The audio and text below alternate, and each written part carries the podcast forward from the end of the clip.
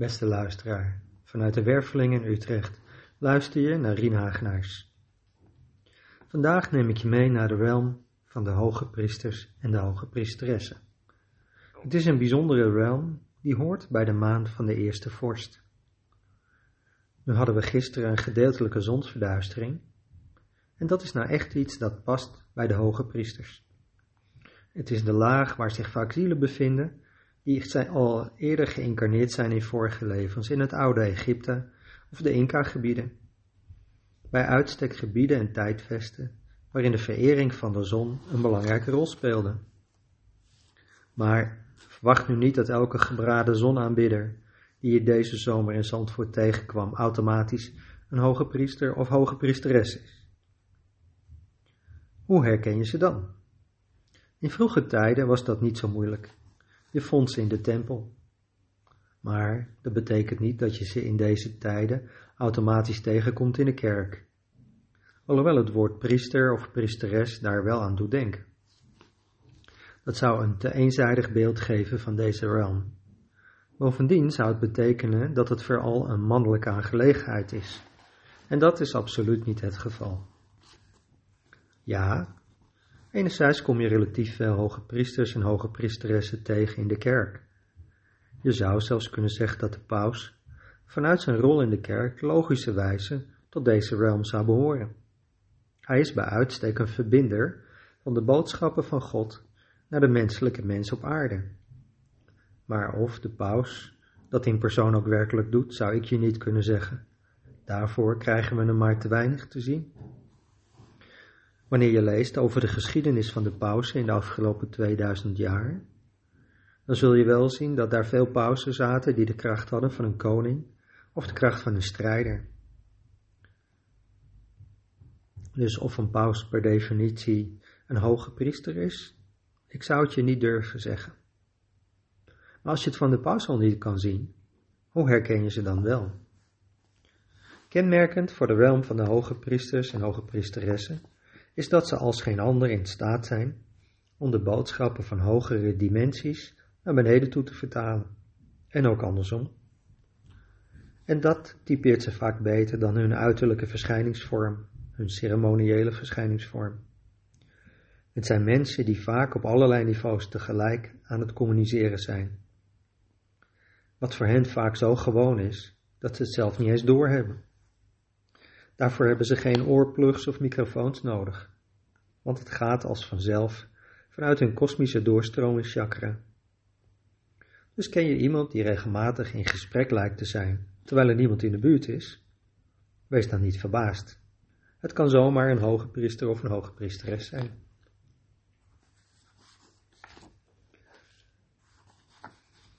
Maar met wie zijn ze dan allemaal in gesprek? Zou je je kunnen afvragen. Vaak zijn het entiteiten, bewustzijnsvelden die geen fysieke verschijningsvorm hebben. Je kunt denken aan helpende zielen, overleden familieleden of andere groepen in de energie waarmee ze samenwerken. En tegelijkertijd zien we dat veel van de leden uit deze realm ook beschikken over uitgebreide sociale netwerken in de alledaagse aardse werkelijkheid. Waar ze het dan allemaal over hebben? Het kan van alles zijn. Van kleine praktische vragen tot complexe gedachtenreeksen, boodschappen voor mensen om ze heen, of boodschappen van hen die ze ontmoeten in het leven voor degene die daar niet aan deze. Even terug, boodschappen voor mensen om hen heen, of boodschappen van hen die ze ontmoeten voor deze en gene die niet aan deze kant van de stoffelijke werkelijkheid zijn. Voor veel onbewuste hoge priesters is het vaak een vanzelfsprekende stroom waar niet eens zoveel aandacht aan wordt besteed. Door de vele communicatielijnen is het soms moeilijk om een hoge priester of hoge priesteres te kunnen volgen. Omdat er vaak op veel lijnen tegelijk wordt gehandeld en gecommuniceerd, weet je nooit precies waar de persoon met zijn of haar gedachten zit. Nog lastiger is het in je team, omdat je nooit precies weet hoe de belangen liggen Praktisch gezegd zijn hun belangen vaak onduidelijk en weet je niet welke meester ze nu eigenlijk dienen. Luisteren ze naar jou als een officiële leidinggevende of luisteren ze naar je collega teamleider? Daardoor lijkt het aan de buitenkant soms of ze van de hak op de tak springen en gewoon hun eigen gang gaan. Maar vaak is het andersom. Ze worden onbewust in verschillende richtingen getrokken, waarbij ze vaak zelf ook het overzicht kwijtraken. Hun oplossing is het creëren van een krachtige eigen binnenwereld, van waaruit ze door het leven bewegen.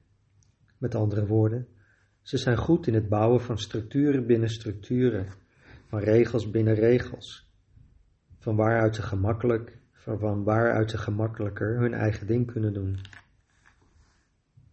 Op wat voor plekken kom je hoge priesters en hoge priesteressen eigenlijk tegen in de maatschappij? Vaak voelen ze zich op het gemak, op hun gemak in het werken met andere mensen. Hun vermogen om inzichten door te geven kan mensen helpen bij het vinden van hun weg of het beantwoorden van hun vragen. En wanneer ze hun kracht hebben ontwikkeld, anders gezegd er erkenning aan hebben gegeven, zijn ze vaak herkenbaar. Met een eigen coach of healingpraktijk, in bijvoorbeeld de spirituele setting van een religieuze stroming, denk aan mensen in een kerkgenootschap, maar ook op minder opvallende plekken komen we ze tegen. En heb je jezelf, kijkend naar de Tweede Kamer, wel eens afgevraagd hoe het kan dat mensen zomaar van de ene partij naar de andere schuiven? Waar je zou denken dat partijprincipes een heilige basis zijn om wel of niet ergens voor te kiezen. En dat switch je niet zomaar, lijkt het voor, heel, voor sommigen heel gemakkelijk inwisselbaar. Je zou hier zomaar de kracht van deze realm kunnen tegenkomen. Voor hen is het heel gebruikelijk om snel te switchen van de ene baas naar de andere, in de stof en in de energie. Zijn hoge priesters en hoge priesteressen dan mensen die met alle winden meewaaien? Nee, eigenlijk zou je beter kunnen zeggen dat het hele eigenzinnige mensen zijn, die in staat zijn om heel veel lijnen tegelijkertijd te onderhouden. In de omgang betekent het dat communicatie met hen vaak, heel belangrijk is. Want wanneer de verschillende belangen op de verschillende lijnen er gewoog mogen zijn, dan zijn hun bewegingen makkelijk te volgen en verklaarbaar. Wat voor de hoge priesters en hoge priesteressen het hanteren van hun kracht een stuk aangenamer maakt. Er is een opvallende plek in deze tijd waar je veel bekende gezichten ziet opduiken die met deze kracht werken. Er zijn een aantal radio-dj's die zich op het spirituele pad hebben begeven. Bekijk eens hun boodschap op een YouTube-kanaal. En het zou zomaar kunnen zijn dat je daar naar een hoge priester of een hoge priesteres van deze tijd zit te kijken. En ben ik dan zelf misschien een hoge priester of hoge priesteres? Je zou het jezelf kunnen afvragen. Nou, nog even een paar vaak voorkomende herkenningspunten. Hou je van veelkleurige kleding? Ben je gefascineerd door Egyptische spiritualiteit?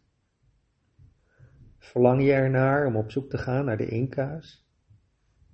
Maak je graag muziek op djembe-achtige trommels? Dan zou het zomaar kunnen zijn dat dit jouw realm is. Wil je er meer over weten? Bezoek ons dan in de werveling of kijk eens op de website www.hetmagischhart. Ik dank je voor het luisteren en graag tot de volgende keer.